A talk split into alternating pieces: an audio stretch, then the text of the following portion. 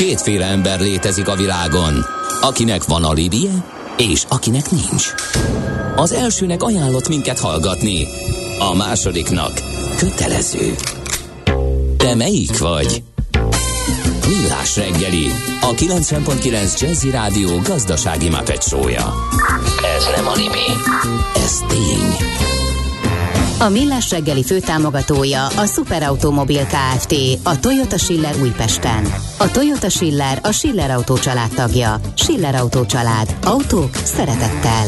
Valamint a Surgeon ZRT, az önműködő kis- és középvállalatok cégépítő partnere. Surgeon ZRT, az üzleti vállalati tanácsadó. Reggelt kívánunk, kedves hallgatók! Folytatódik a Millás reggeli július 25-i kiadása Kántor Endrével. És Mihálovics Andrással. Meg a hallgatókkal, akik a 0 30 20 10 9 0 9-re üzenhetnek SMS-ben, Whatsappban és Viberen is. Én nem is a szakértő urat ekézném, hanem a szerkesztő urat. Uh-huh, köszönöm. Igen? Mondj, mondjad nyugodtan. Igen, a, váll, a defense száma tökéletesen Ja, nem a hírnököt kell lelőni, írja egy másik hallgató, illetve lehet fikázni a lakosságot, hogy mindenki szakértő, de az igazság, hogy nagyon sokszor úgy hoznak törvényt, hogy értelmetlen, átgondolatlan, józan paraszti észre gondolkodó, öt általános végzett ember ügyesebben meg tudná mondani, mik a gondok a törvényekkel, mint azok, akik ezeket meghozzák. Uh-huh. Azt mondja, illetve egy másik hallgató ugyanazt arra következtetésre jutott, mint én, hogy a defense simán For me it's alright sorát mi ez a lánynak lehet érteni. Én ki ez a lánynak értettem. Igen. igen. Mi De volt a minden... baj a defezzel? Mert ez Most ez, ez, ja, értem. Hogy a for me it's alright értem. az egyelő ki ez a lány, vagy mi ez a lány. Igen. Na, ez egy Reebok, egy Reebok, is this a Reebok or a Nike? Igen. Ugye a klasszikus. Jaj, te jó az!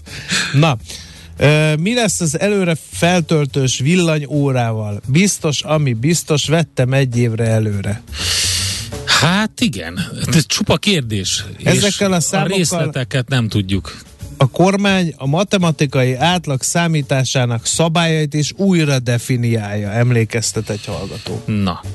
A hitelminősíték látják jól, akik mellesleg egyáltalán nem a kormány barátai közül kerülnek ki. Uh-huh. Hallgathatatlan Uh-huh. Ez a függetlenek egyáltalán nem nevezhető műsorvezetés. Rekordmagas infláció. A balti országok az eurójukkal jóval előttünk vannak. A rekordmagas inflációt azt nem úgy kell elképzelni, hogy mondjuk Zimbabvéhez hasonlítjuk magunkat, mert akkor rekord alacsony, hanem ahhoz kell hasonlítani magunkat, hogy Magyarországon milyen inflációs adatok voltak, és rekord közeli hangzott el egyébként, úgyhogy egyéb, és e, ha hallgathatatlan, akkor kérem kapcsolja ki. Tehát ez egy ilyen nagyon egyszerű történet. Van egy csomó olyan híradás, amit a saját zsebünkből finanszírozunk, mint adófizetők, azokat lehet közszolgálati adók, amik azokat lehet ekézni akkor, hogyha úgy tartjuk, hogy nem függetlenek. Azt javaslom, hogy ezt tegye a kedves hallgató, vagy egy kis oxigén szívjon, mert attól megnyugszik. Budapest legfrissebb közlekedési hírei, itt a 90.9 jazz Három balesetünk is van már sajnos, úgyhogy elkiabáltam én ezt a dolgot korán reggel. Egy az Andrási úton történt befelé a Kodály körönnél a külső sávban, de a Budaörsi úton befelé is gond van, a Nagyszörös utcai felüljáron történt egy baleset, ugyanis a belső sávban a Sasadi úttól már lassú a haladás, illetve ha nem lenne ez elég, baleset történt a Könyves Kálmán körúton a Rákóczi híd felé az Elnök utcába kanyarodó sávban is, úgyhogy mindenkinek felszólítanám, vagy mindenkit felszólítanék arra, hogy az Isten szerelmére rendkívül óvatosan és nagy körültekintéssel közlekedjék. Én tudom, hogy nagy a meleg, én tudom, hogy mi időnként olyan információkat osztunk meg, amitől felmegy az ember vérnyomása, de higgyük el, hogy a büntető megtorló vezetési stílus nem vezet célra. Az adó a jövedelem újrafelosztásának egyik formája, a költségvetés bevételeinek fő forrása, a jövedelem szabályozás eszköze. Az adóztatás fő célja anyagi eszközök biztosítása közcélok megvalósításához. Nézd meg az ország adózását, és megtudod, kik lakják. Adóvilág, a millás reggeli rendhagyó gazdasági utazási magazinja, ahol az adózáson és gazdaságon keresztül mutatjuk be, milyen is egy ország vagy régió. Adóvilág. Iránytű nemzetközi adóügyekhez. Csehországig jutottunk el a Borostyán út országai közül. Gerendi Zoltán a BDO Magyarország ügyvezető adótanácsadó partnere a vonalban. Szervusz, jó reggelt! Jó reggelt, itt nagyon most a vezetékezet, tehát a hálózat. Hallottuk? Igen, hát Hallunk, valamennyire, hogyha valami igen. gáz van, akkor majd megoldjuk, és akkor visszatárcsázunk. Me- megküldöm a szöveget előre, és akkor ti is tudjátok mondani. Oké, okay, rendben van. Jó, tehát ma Csehország a téma, ugye Bohémia a neve, eh, történelmi neve, és egyébként én néztem, ugye a leghíresebb eh, történet a Bohemian Rhapsody a Queen-től, hogy miért lett az Bohém, eh, van-e valami köze a, a, a, a területhez, de nincsen állítólag, hanem csak a bohémságot vették ki belőle, egyébként a dal nem bohém, de a, a progresszív zenének egyik leghíresebb dal, szóval ők történelmileg ilyen szempontból a könnyű zenébe is megjelentek.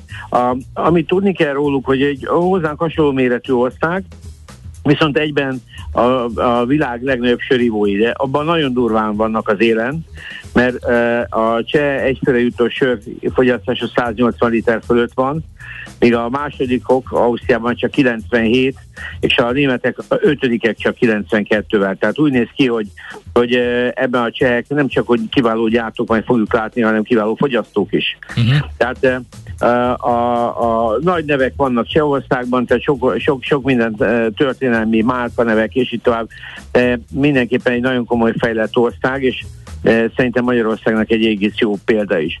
Ők a történelmen röviden végigfutva 1200, 1002-ben jött létre a Cseh királyság, és ez uh, gyakorlatilag uh, majdnem 800 évig fönn is állt. Majd a, ami neve, ilyen nevezetesebb pont 15. században megjelenik Husz János és a huszita mozgalmak, amik a reformációnak az alapját adták, aminek az lesz a méltó elismerés, hogy 1415-ben kivégzik, de a, ami, ami gyakorlatilag ennek a folytatása, hogy ez elindítja a reformációt, és 1517-ben jelenik meg Luthernek a 95 pontos vitairata, ami azért érdekes, mert eh, gyakorlatilag 17-ben volt 500 éves a református egyház, tehát az évforduló létezik, és mindez Csehországból indult, ha tetszik. 1620-ban Habsburg irodalom részévé válnak, ami, ami hát eh, nekik nem egy nagy sikertörténet, a lakosság egyharmaddal csökken, főleg azért, mert a, a Habsburgok katolikusok, és ilyen szempontból ezt a fajta reformációt elég erősen üldözik. 1918-ban a Habsburg monarchia felbomlik, és létrejön Csehszlovákia, ez az első köztársaságuk, aminek az az érdekessége egyébként, hogy, hogy a, a gazdasági működésük biztosítása érdekében még a hamburgi kikötőben is a trianoni döntés alapján kapnak 99 évre egy 28,5 hektáros kikötő területet, tehát a folyóikon le tudják szállítani az árut, és ott tartani tudják. Tehát azért ezek elég komoly dolgok, és ez a kikötő ez mai napig működik, sőt azon dolgoznak, 28-ra járna le nekik ez a e, döntésük, e, de azon erőlködnek, azon dolgoznak, hogy ezt meg tudják hosszabbítani. Uh-huh. Tehát, e, tehát Trianon nekik azért nem volt ilyen szempontból szerencsétlen. 38-ban viszont a náci Németország elfoglalja a Bohémiát és Moráviát, tehát gyakorlatilag Szlovákiát nem, de ezt a felső két részt elfoglalja. Majd 46-tól itt is kommunista hatalom átvétel van, ami aztán 48-ban válik egy pártrendszerré. 1989-ben Václav Havel a básonyos forradalom megy le, 93-ban felbomlik Csehszlovákia, tehát Csehországra és Szlovákiára, és 99-től NATO tagok, 2004-től EU tagok. Földrajzilag nagyjából látjuk, hogy egy hegyvidékes dombos, tehát nem hiszem, hogy nagyon be kell mutatni itt Magyarországon valakinek Csehországot, de a legmagasabb hegyük csak 1603 méter, viszont a mezőgazdasági területük is egész jó 32 százalék. Ásványi kincsük van, szén, vasért, grafit, ugye ez a Kohinor, még a KGS időből, ceruzákból is, látszik üveghomok, ami az üvegiparnak is kellett, de van egyébként aranyezüst urán is, és rengeteg fa, tehát azért ők alapanyagban erőforrásban elég jól el vannak látva. A gazdaságuk ennek megfelelően egy nagyon, nagyon fejlett, iparosodott gazdaság, amiben majdnem minden van, tehát egyébként érdekes volt, megnéztem, hogy mik a top 5 brand ma így, ami nemzetközileg ismert, és úgy meglepett, hogy az első helyen az Avast állt, ami hm. általában egy IPO volt, egy IT biztonsági cég, amelyik Londonban csinált IPO-t, és általában nagyon nagy siker volt, az egyik legnagyobb siker. A második a Skoda, a harmadik az út. Az út egyébként azért érdekes, mert egy digitális, tehát digitális ritelt nyomó cseh kereskedő cég, amik ruhaiparban dolgozik, de egyébként Magyarországon sem újdonság, amit ők csinálnak, mert az Alca is cseh, és a kifli.hu is cseh hátterű. Tehát gyakorlatilag a digitális kereskedelemben a cseh cégek halatlanul erősek. Aztán jönnek a sörösök így ismertségben, a Budweiser meg a Pilsner. A Budweisernek a sztori azért érdekes, mert ugye ők, a, ők, ők, ők konkrétan e, e, hát ugye e, kapcsoló voltak az amerikai Baddal. E, és, és nekik volt egy nagyon-nagyon hosszú jogvitájuk. Hát 103 éves volt egyébként. Igen, ja, hogy ennyire hosszúra nem gondoltam, csak, csak gondoltam, és valami olyasmi vita született, hogy Amerikának megmarad a BAD, igen. És azon kívül Európában viszont az amerikaiak ezen a néven nem forgalmazhatják. Hát ugye a mondjuk a csehek jogosan voltak kiborulva, mert az amerikai bád az már messze nem az volt, amit ők egy ö, sörnek tartanak, tehát azt ugye, ö, na mindegy, ez, ez, ez a gasztrorovatra tartozik ez a... Hát így, így van, ez egy hosszú-hosszú vita volt, és tényleg ez volt a lényeg, ugye a Pilzenit akarták így eladni, hmm. és egyébként a sikeres volt, 2010-ben zárult le a per, és hát gyakorlatilag azóta úgymond rend van, de hát ez a, ez a gigászok harca, ez a, a söripar, és épp azt mondják, hogy az, aki meg, akivel, aki elvesztette a bázis, és nem, ez Anheuser, nem tudom, hogy hívják igen. ezt a cégcsoportot. Anheuser Busch, igen. Bush, Bush, igen, az, az most hozzájutott a Pilsnerhez is, tehát úgy gyakorlatilag most alulról fölülről verik őket. Tehát az vezet, úgyhogy, úgyhogy nem tudom, hogy, hogy kinek, kinek jó, kinek nem, de a lényeg az, hogy a cseh söripar messze-messze jegyzett, tehát tulajdonképpen nagyon komoly. Na most a adózásra röviden átérve, van benne egy-két érdekesség, de nem a mértékekben áfájuk 21% a társasági adójuk bevetonozva 19% a befektetési alapokra van egy 5 os kedvezményük. Viszont ami igazából érdekes, az SZIA körül ment, mert ők, ők 2021-ben, hiszem akkor szakítottak az egykulcsos adóval. Nekik 15% volt a, ez a 15%-os volt az adójuk, de egy szuperbruttóval számoltak, ami azt jelentette, hogy még a járulékokat is beszámították az adó alapba, és így azért az effektív az 20% fölött volt. De a lényeg az, hogy, hogy 21-től gyakorlatilag 30 millió forint fölötti jövedelmeknél egy 23%-os kulcsot bevezettek. Tehát gyakorlatilag megtörték ezt a, ezt a, ezt a korábbi egy kulcsos adózást. A pontos hátterét nem ismerem, hogy mi volt ennek a, a, a, a pontos magyarázata és a, a logikája, de, egy, de ez 2008 óta ment az rezsim, tehát gyakorlatilag egy elég sikeresnek volt mondható, de mégis, mégis feltörték, és úgy néz ki, hogy eléggé magasra tolták ki a sávot. Ezzel egy megszüntettek egy 7%-os e, e, szolidaritási adót is, ami ezeket a jövedelmeket terhelte. Tehát összességében azt lehet mondani, hogy a cseh adókörnyezet egyébként alacsonyabb így is, mint a magyar, tehát az OECD átlag fölött vannak egy hajszállal, és én úgy látom, hogy egyébként a cseh államadóság, a cseh infláció, a cseh korona, meg mind, amit látunk makróba, azok egyáltalán nem rosszak. Tehát én, én azt gondolom, hát hogy így sőt, nézek, lehet azt mondani, ugye, hogy ez egyik, sőt, lehet azt mondani, a legerősebb a visegrádi hát, országok közül. Igen és hagyományosan jól teljesítenek. Ugye magas bevételű gazdasági országról van szó, egyfőre eső GDP az uniós átlag 80%-a fölött van, tehát uh, egész jó vannak.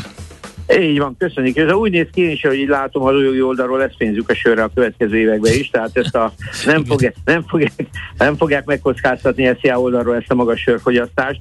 Mondom, duplája az ő sörfogyasztásuk a második helyzetnek, szóval itt szerintem kétség nem fér ahhoz, hogy itt a csehek maradnak a világsörívó bajnokai a következő tíz évben. Úgyhogy én ennyit gondoltam elmondani, egy érdekes ország viszonylag, viszonylag kiszámítható rendszerrel, lehetne tőlük tanulni. Na, szóval ez Az biztos. Oké, okay, nagyon szépen köszönjük Zoli, további jó pihenést. Köszönöm. Szervusz. Köszönjük Sziasztok. Gerendi Zoltánnal beszélgettünk, a BDO Magyarország ügyvezetőjével, adótanácsadó partnerével. Borostyán országait nézzük sorra, Csehországig jutottunk el, hamarosan Feledi Botond politikailag, e, geopolitikailag mond el mindent, amit most tudni kell Csehországról. Hát ott is bőven van e, téma. Folytatódik az adóvilág, a millás reggeli rendhagyó gazdasági utazási magazinja. Nézd meg egy ország adózását, és megtudod, kik lakják. Adóvilág. Iránytű nemzetközi adóügyekhez. Na hát azt megtudtuk, hogy a csehek még mindig a legnagyobb sörivók, és ezt valószínűleg nem fogják elveszíteni ezt a címüket, viszont ezen kívül elég sok minden mást is csinálnak a csehek. Itt van velünk Feledi Botond, külpolitikai szakértő, a, nem tudom mi legyen az első, a v, V4-ből V3 esetleg? Vagy... Nem, hanem hogy így általában a csebel politika, az hogy néz ki, mert igen. hogy így e, ebből talán kevesebbet látunk e, innen Magyarországról, mint akár a V4-ből, akár az Európai Unión belül betöltött szerepükről. Jó reggelt, Boton, szervusz! Jó reggelt, sziasztok! Nagyon jó választás a belpolitikai indulás is, mert igazi kis csemegével tudok szolgálni. Ugye Csehországról talán magyar olvasó annyit, eh, annyit biztosan tud, hogy nagyon instabil kormányzatok váltogatták egymást az elmúlt évtizedekben. Úgy van kitalálva a rendszer, hogy alacsony küszöbbel elég sokan, sokféle párt bejut. Ennek megfelelően most a legutóbbi eh, tavaly őszi választáson eh, egy gyakorlatilag öt párti koalíció alakult, tehát egy hármas szövetségi lista és egy kettes szövetségi lista szerezte meg végül a 108 helyet a 200-ból a parlamentben. Na de ez viszont egy olyan színes történet, hogy benne van gyakorlatilag az ő MDF-jük, tehát az utáni ODS párt és az ezt vezető Petr Fiala, aki miniszterelnök lett, és most ugye az elnökséget is vezető e, cseh kormányfő, de ebben benne vannak a polgármesterek pártjai, és benne van a e, cseh kalózpárt is. Hm. E, tehát így, így képzeljük el, hogy ez egy nagyon-nagyon széles koalíció, ami most azóta működik. Pet Fiala, csak megint érezzük a, a finomságát azért itt a, a V4-es országok működési különbségeinek. Ő a Masaryk Egyetemnek volt Brunóban a rektora hosszú időn át. Tehát ő az első politika tudós, akiből aztán politikus lesz. Ugye ilyet azért láttunk felénk is, viszont egy nagyon-nagyon sikeres egyetemet uh, épített föl, tehát 45 ezer hallgatóval bővítette, és megint csak a, a, a perspektívák, tehát az Antarktiszon nyitott a Masaryk Egyetem kutatóközpontot az ő regnálása alatt, uh, vagy éppenséggel egy nagyon kiváló um, európai pénzekből működő kutatóközpontot hozott létre, ami azóta is működik, tehát nem csak eltették a pénzt. Úgyhogy tehát egy sikeres, sikeres akadémiai emberből lett valaki más, és aztán ugye ő az a Pet Fiala, aki elmegy Kaczynszkiékkal a legelső kievi látogatásra, amikor elindul ez a széria, hogy állam és kormányfők meglátogatják Zelenszkit Ukrajnában a háború sújtotta övezetben. Na most ők vannak tehát hatalmon, a belpolitikai érdekességnek talán még annyit, hogy a legnagyobb, mondjuk úgy, hogy radikális vagy szuverenista párt, egy tokiói születésű cseh által van vezetve, Tomio Okamura, hm. aki viszont egyébként Löpen szövetségese, tehát hogy Értem. egészen, egészen, egészen finom ez a belpolitika. Tehát, hát hogy figyelj, globalizálódott ez a dolog, tehát akárhogy ö, próbálunk bizonyos helyeken ö, kerítéseket, meg mindenféle falakat emelni, azért mégiscsak történnek ilyen dolgok. És mik a törésvonalak a, a csebel politikában? Mik azok a vitás pontok, amin, amin őrre mennek egymással a felek? Mm, hát nézd, most nyilván mindenkinél itt is az infláció a, fő kérdés és a gazdasági helyzet, eh, de egyébként ők is szeretik a külpolitikában az őremelést. Tehát azt kell mondjam, hogy, hogy az ilyen aktuális gazdasági kérdések, vagy Andrei Babis eh, mentességi jogának kérdései, az előző miniszterelnök, aki, akinek a pártja újra a legnépszerűbb egyébként, ám de úgy tűnik, hogy két millió eurós támogatással nem annyira tudott elszámolni, vagy hát kérdések merültek fel a nyomozás során.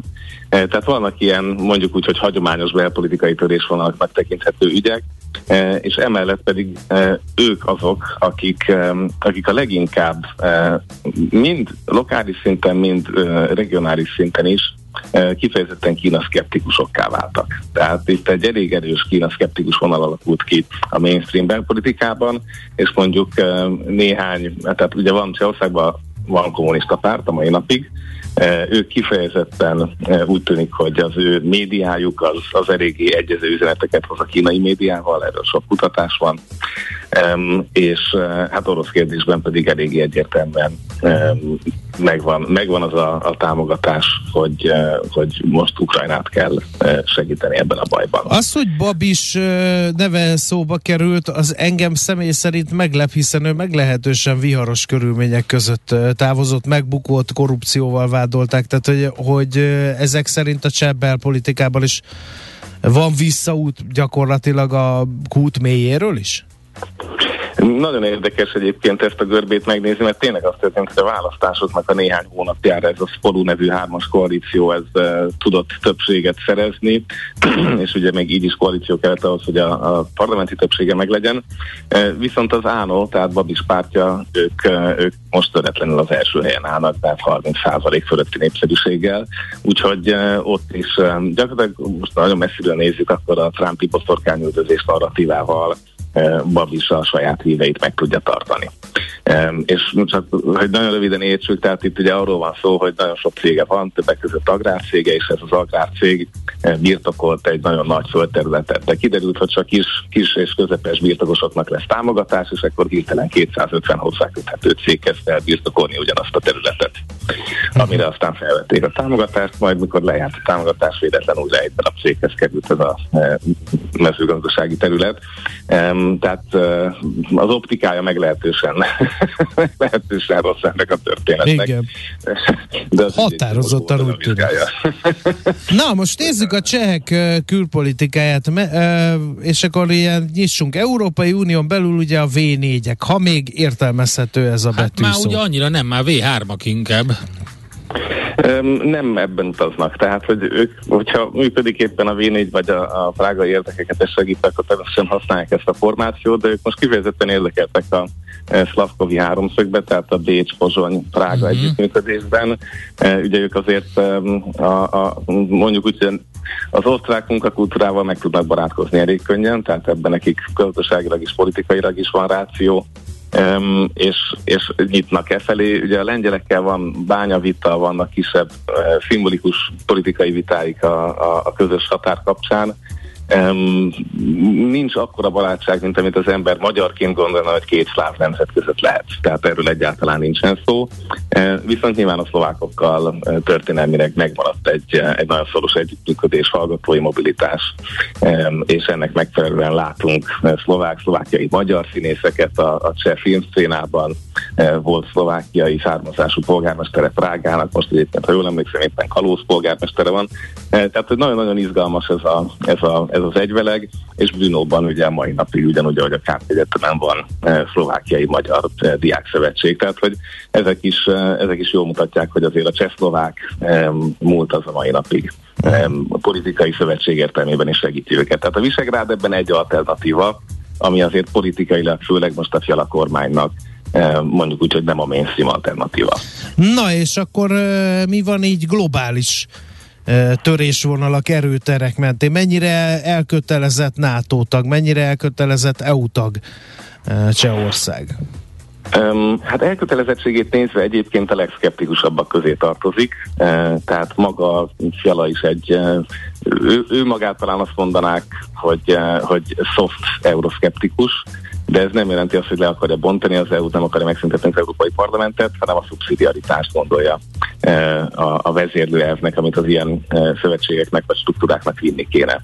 Ugye a NATO-ban is, tehát a csehek alapvetően egy, egy, egy szkeptikus nemzet, és ez így volt, tehát ez most nem az orosz, kínai egyéb reakciók miatt van, hanem a közvéleménykutatási adatok ezt régóta mutogatják. Viszont ami egy picit megpöckölte itt a kedélyeket, nem tudom, hogy uh, ti mennyire emlékeztek rá, de ugye itt volt egy óriási botrány a, a cseh-orosz kapcsolatokban, még messze a háború előtt, uh, amikor kiderült, hogy egy 2014-es eh, hadianyaggyár robbantást, azt orosz különleges eh, eh, Igen. követett el. Bizony, bizony. Eh, az nagyon érdekes volt. És hát mit csináltak ott? És, és azért beszéltünk is róla, aztán utána minden elcsendesült. Na most igen, tehát utána kiutasítottak 18 szoros uh-huh. diplomatát. Ez, tehát 14-es a történet, és ha jól emlékszem, akkor 20-ban kezdték ezt felgöngyöríteni. Mert hogy kiderült, hogy pontosan ugyanaz a két ügynök is érintett volt ennek a fegyverraktárnak a felrobbantásában. 50 tonna lőszerről beszélünk, jó? Tehát most nem egy szimbolikus robbantásról, és két, két helyi cseh áldozattal együtt, akik a Skripál gyilkossági kísérletet csinálták a novicsok idegméreggel az Egyesült Királyságban. Tehát amikor a britek közé teszik ennek a két elkövetőnek, Szergej Skripál és lánya megmérgezésével gyanúsított elkövetőknek a, az identitását, akkor jönnek rá a csehek, hogy hoppá, ők Prágába is jártak 2014-ben, és vajon miért? E, és onnan kezdődik ez a felgöngyölítés, e, csak hogy teljesen egyértelmű legyen a, a kapcsolódás. Egyébként az a bolgár üzletember, aki birtokolta ezt a cseh országi területen álló e, fegyver és hadianyaggyárat, őt pontosan kétszer próbálták ugyanazzal a Novicsuk méreggel is megmérgezni annak idején. Mi bajuk van az oroszoknak? Te, te ezt érted? Azért, azért hogy mondjam, egy békeidőben azért egy ilyen diverzáns akció az nem bevett gyakorlat szinte a világban sehol sem. E, és rendkívül kockázatos, hiszen nagyon-nagyon e, egyértelmű, nagyon-nagyon erőszakos, nagyon-nagyon nyilvánvaló, és nagyon megrontja a két országnak a viszonyát. Tehát mi, miért kellett ezt az utat választaniuk az oroszoknak, e, hogy egy cselőszerraktárat felrobbantanak? Mi történhetett ott erről? Bármi információ e, az úton napvilágot látott? Két, két, hogy mondjam, nincs biztos, tehát nem, ugye ezeket nem, nem lehetett elkapni, ezeket a fickókat, ők Oroszországban vannak, de két e, dolog látszik időben összefüggeni. Ugye 2014 őszéről beszélünk, pont akkor, amikor Donetskben az első e, ukrán-orosz összecsapás idején a legsúlyosabb konfliktusok voltak, és ez a gyár szolgáltatott oda is hadianyagot minden legjobb tudomásunk szerint. Tehát van egy ilyen adott esetben, ha úgy tetszik, már Ukrajnához köthető nagyon pragmatikus oldala, hogy, hogy akkor is akartak vagy figyelmeztetést adni, vagy pedig a közvetlen fegyverszállítást megakadályozni. Másrészt pedig az Assad ellenállóknak is adtak el eszközöket Aha. ezekből a konglomerátumokból, tehát alapvetően egy olyan direkt orosz érdek volt az, hogy, hogy ezek az üzletek ne jöjjenek létre. Hogy önmagában erről van szó, vagy pedig ez a Gebrez nevű bolgár tulajdonos esetleg mást is máshol csinált, ez már egy külön beszélgetés, de, de hát ennyire, ennyire, ugye 2014 ez már egy brutális töréspont, csak hát ezt ugye mi 22-ben vettük észre. Uh-huh. Ugye erről sokat beszélgettünk, hogy, eh, hogy itt, itt az oroszokat nagyon-nagyon elnéztük és elszámoltuk. Ez már akkor így volt. Uh-huh. És, és ugye a csehek is ennyivel később jönnek rá, és kiutasítanak diplomatákat. Tehát azért ez egy, eh, hát az orosz-cseh kapcsolatokat most már eh, narratívájában meghatározó történetté növi ki magát. És ugyanígy, amikor 2020-ban egyébként Kínával kapcsolatban 2020-ban egy, egy cseh szenátusi delegáció látogat el Tajvan szigetére, Ugye onnantól kezdve kőkemény kínai retorziók vannak, tehát mind a médiában, mind gazdasági értelemben, és éppen ezért a csehek most már arról beszélgetnek itt az új kormányzat alatt, hogy a kínai 17 plusz, de 16 plusz 1-es formátumot azt lehet, hogy ők el is hagynák, vagy kiszállnának ebből, tehát szemben a lengyelekkel, akiknél láttuk, hogy ott egy kis közeledés indult el taktikai okokból, a csehek kifejezetten Kína kritikusokká nőttek ki, és nem azért, mert Amerika barátok, hanem azért, mert ez a eh, háveli kisország barát, eh, és ebből következően Tajvan barát hozzáállásuk, ez megmutatta nekik elég hamar a kínaiaknak a, a, a valódi szándékát, vagy azt, hogy mire képesek, hogyha valaki nem úgy csinálja, hogy azt ők elképzelik. Igazi profi vagy botod, mert a kedvenc és egyben utolsó kérdésem, mert így hangzott volna, és a kínaiak, azt már meg is válaszoltad Csehországgal kapcsolatban. Igen, a kínaiakat már nem tesszük fel. Jó van, Botond, azt azért harangozzuk be, hogy most nyáron e, tartunk olyat, hogy mindenféle ismert szakembereket megkérünk, hogy ugorjanak be műsor műsorvezetőnek, és te csütörtökön jössz ide a stúdióba, úgyhogy sok-sok mindenről lesz szó természetesen, ami a te otthoni pályád, úgyhogy ezt majd akkor a kedves hallgatóknak is mondom, lehet kérdezni majd a botontól, és akkor szerintem egy kicsit többet külpolitizálunk, mint ahogy szoktunk egész nap, úgyhogy akkor majd szeretettel látunk itt nálunk. Nagyon köszönöm a meghívást, nagyon várom, és hát remélem akkor a hallgatókkal SMS-ezgetünk majd a csütörtök hajnalban. Köszönöm szépen. Köszi szépen, Addig szép hetet. Sziasztok. Feledi Botont külpolitikai szakértővel beszélgettünk, adóvilág rovatunkban Csehországban járunk a Borostyán országai között. Adóvilág, a millás reggeli rendhagyó gazdasági utazási magazinja hangzott el, ahol az adózáson és gazdaságon keresztül mutatjuk be, milyen is egy-egy ország vagy régió. Adóvilág, iránytű nemzetközi adóügyekhez. Aranyköpés a millás reggeliben. Mindenre van egy idézetünk. Ez megspórolja az eredeti gondolatokat. De nem mind arany, ami fényli. Lehet kedvező körülmények közt gyémánt is. Na hát egy kiváló aranyköpést választottunk, mégpedig Én nem értem. Joey majd... Tribbiani-tól Matt LeBlanc 1967-ben született ezen a napon.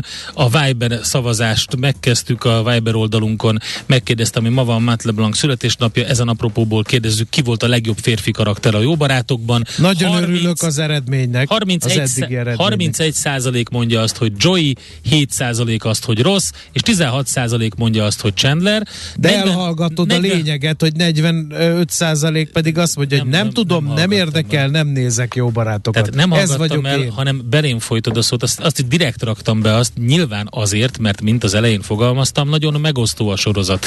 Így is, hogyha e, azt mondta, hogy az a lényeg, akkor a 46 százalékhoz képest a másik oldal, az ugye 54 százalék, az viszont szereti a jó barátokat, úgyhogy többen vannak egyelőre. Mindenesetre 30 százaléka azoknak, akik szeretik, azt mondják, hogy Joy a legjobb karakter. A következő idézetet szeretném, ami egyébként szerintem hozzád nagyon jól passzol. Nem, András. hozzám nem passzol. Teljesen passzol. Fel, felháborító. Nem tudta eldönteni. Hát a férfi Maszló piramisnak az alján azért ott vannak ezek a dolgok, és Joyról tudjuk, hogy ő egy nagyon alap szinten dolgozó ember. Kaját, szexet, kaját, szexet, nem tudom, egy nő kell kenyéren, fogalmazta meg Joey Tribbiani a megoldást azok számára, akik nem tudják eldönteni, hogy mi a fontosabb. Aranyköpés hangzott el a millás reggeliben. Ne feledd, tanulni ezüst, megjegyezni arany.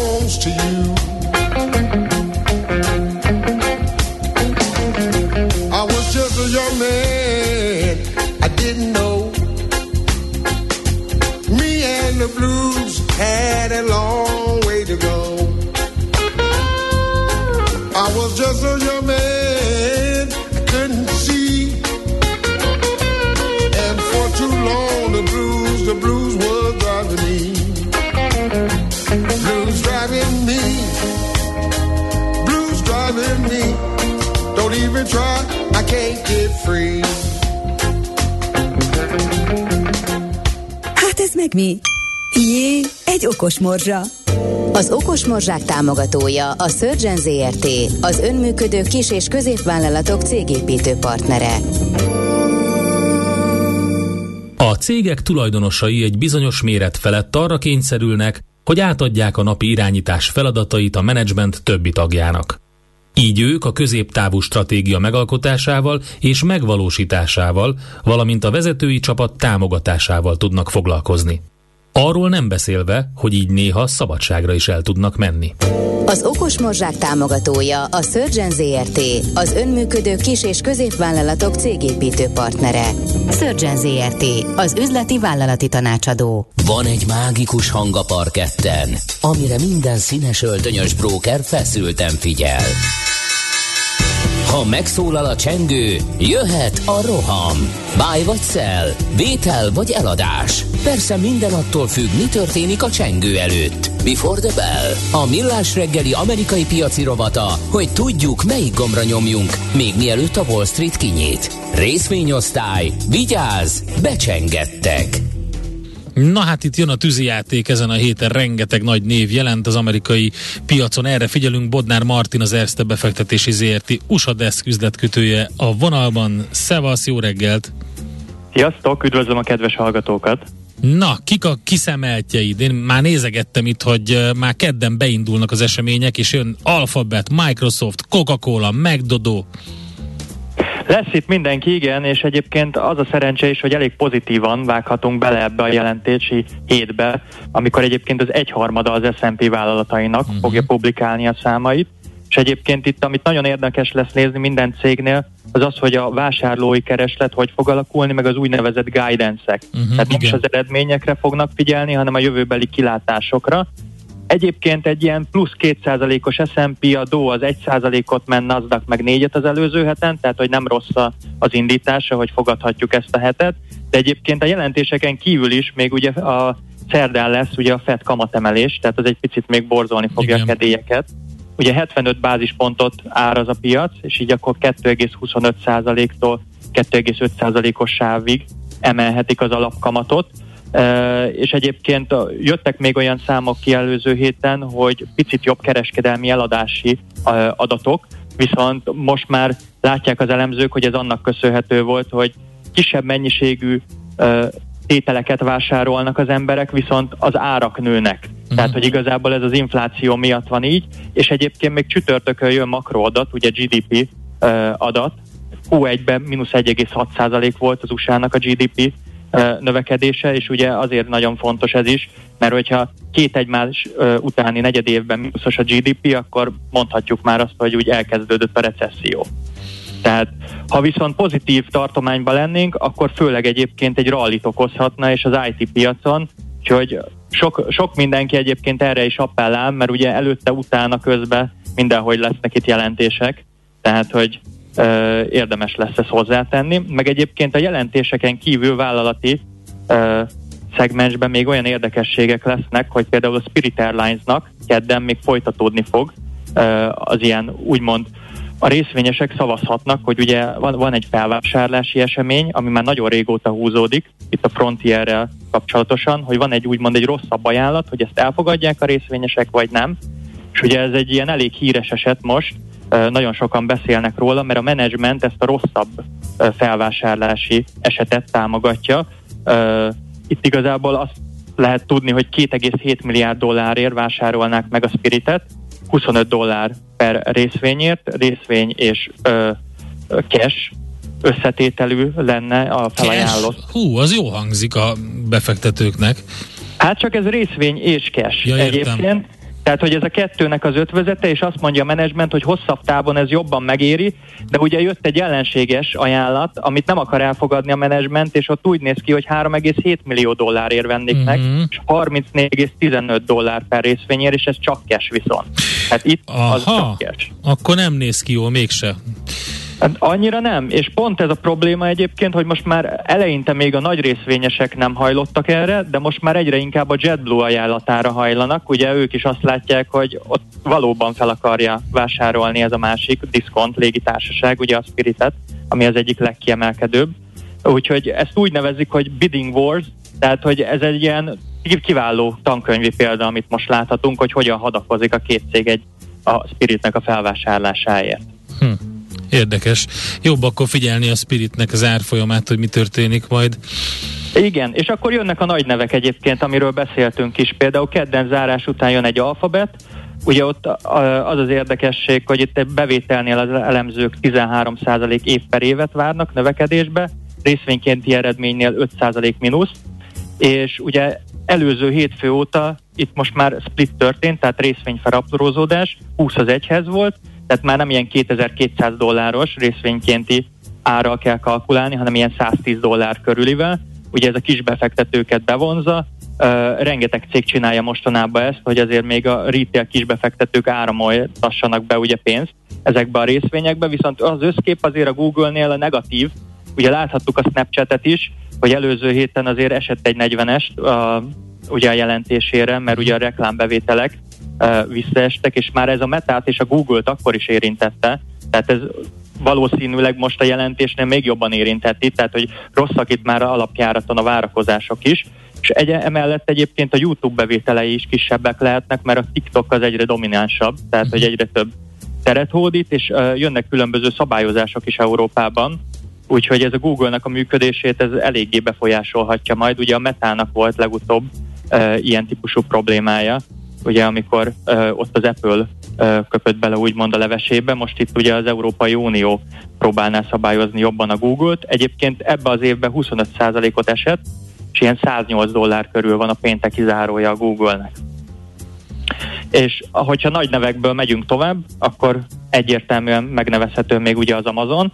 Ő is egyébként splittelt a közelmúltban, tehát hogy ez most már a nagy tech vállalatoknál úgy látszik, hogy ez, ez kötelező, eh, akinek túl magas ugye a részvényárfolyama, hogy tényleg mindenki a maradék pénzét is bele tudja forgatni ezekbe a papírokba. Itt a bevétel várakozás az 5,4% növekedés év per év, ami jelentős visszaesés, mert 21 Q1-ben még ez 44% volt, és hiába ott volt egy bázis hatás, akkor is azért elég maga, tehát hogy egy ilyen 20-30% közeli uh, volt bázis hatás nélkül is a növekedés. EPS-nél meg mínusz 80%-ot várnak no. év per év. Uh-huh. Pandémia után egy nagyon erős visszaesés van, ugye kevesebben vásárolnak online, több pénz megy utazásokba, étterem, uh, uh, tehát hogy többet járnak étterembe az emberek, szórakozásra többet költenek, és, és azt gondolják, hogy év végéig ez fenn is maradhat. Úgyhogy itt a cloud szegmensre arra próbálnak nagyon ráerősíteni az Amazonnál, mert kijött több felmérés is egyébként a streaming használatnál, most már az úgymond az összes médiának, tehát itt a fogyasztható tartalomnak, itt a filmek, tévéműsoroknak az egyharmadát a streaming teszi ki, és kétharmadát teszi ki a tévénézés és egyéb más uh, ilyen típusú tevékenység. Tehát, hogy erre nagyon ráment az Amazon is, mert ennek a piaci részesedésnek, a streamingnek ő a 3%-án teszi ki, és így megelőzi a Disney Plus, HBO Maxot is. Ugye itt a legnagyobb egyébként a Netflix 7,7%-kal, csak ugye ott ez a, a Netflixnek teljes mértékben csak erre épül, ugye míg az Amazonnak csak egy szárnya épül. Igen. erre a cloud meg streaming bizniszre, ami egyébként szint egyedül ezt tud szépen növekedni, előző negyedévben 37%-kal növekedett, most is ez lesz itt az érdekes, hogy itt tud egyébként egy nagyot alkotni, meg egyébként keddel lesz neki az Amazon Web Service találkozó, ez is szintén a cloud segment erősíti, amit most már rendszeresen megtart. Uh, idén ő is mínusz 27%-ban van, de érdemes lesz figyelni, mert itt azért van, van uh, lehetőség. Van, ho- igen, van honnan jönni. Oké, okay, hát figyelj, nagyon sok mindent összegyűjtöttél, meg hát nyilván nem is tudtunk mindent, mert ez ilyen gigászok is jelentenek, mint a Coca-Cola, meg a... Meg, McDonald's. McDonald's, igen, igen, úgyhogy azért elég erős lesz ez a hét, és akkor figyeljük ezeket, amiket kiszemeltél. Köszönjük szépen, jó munkát nektek, jó kereskedést! Köszönöm, sziasztok! Bodnár Martinnal beszéltünk, az Erste befektetési ZRT USA Desk üzletkötőjével. Minden attól függ, mi történik a csengő előtt. Before the Bell. A millás reggeli amerikai piaci rovata hangzott el. Hát a szárazság és az asszály az ugye történelmi szinteken van Magyarországon. Mit tudnak tenni a gazdák? Hát van egy um, magyar, van egy szabályozás, ugye, ami egy korábban megalkotott törvényi szabályozás, ami segít az ilyen helyzetekben, de majd arról beszélgetünk egy gazdával, aki agronómus gazdálkodó, közepes méretű gazdaság növénytermesztés ágazat vezetője, hogy ő mit lát a földeken, és hogy szerintem ekkora a baj. Mihálovics gazdarovatunkban tehát továbbra is az aszályjal foglalkozunk, és azzal, hogy tényleg mennyire súlyos a helyzet ez lesz majd Taríbolya hírei után. 0 30 20 10 9 0 9. Mondjad András. Engem mélységesen felháborít. Ez egy hallgató üzenet. Igen. Engem mélységesen felháborít az a fajta guztustalan függetlenség, ami a millás reggeliből árad.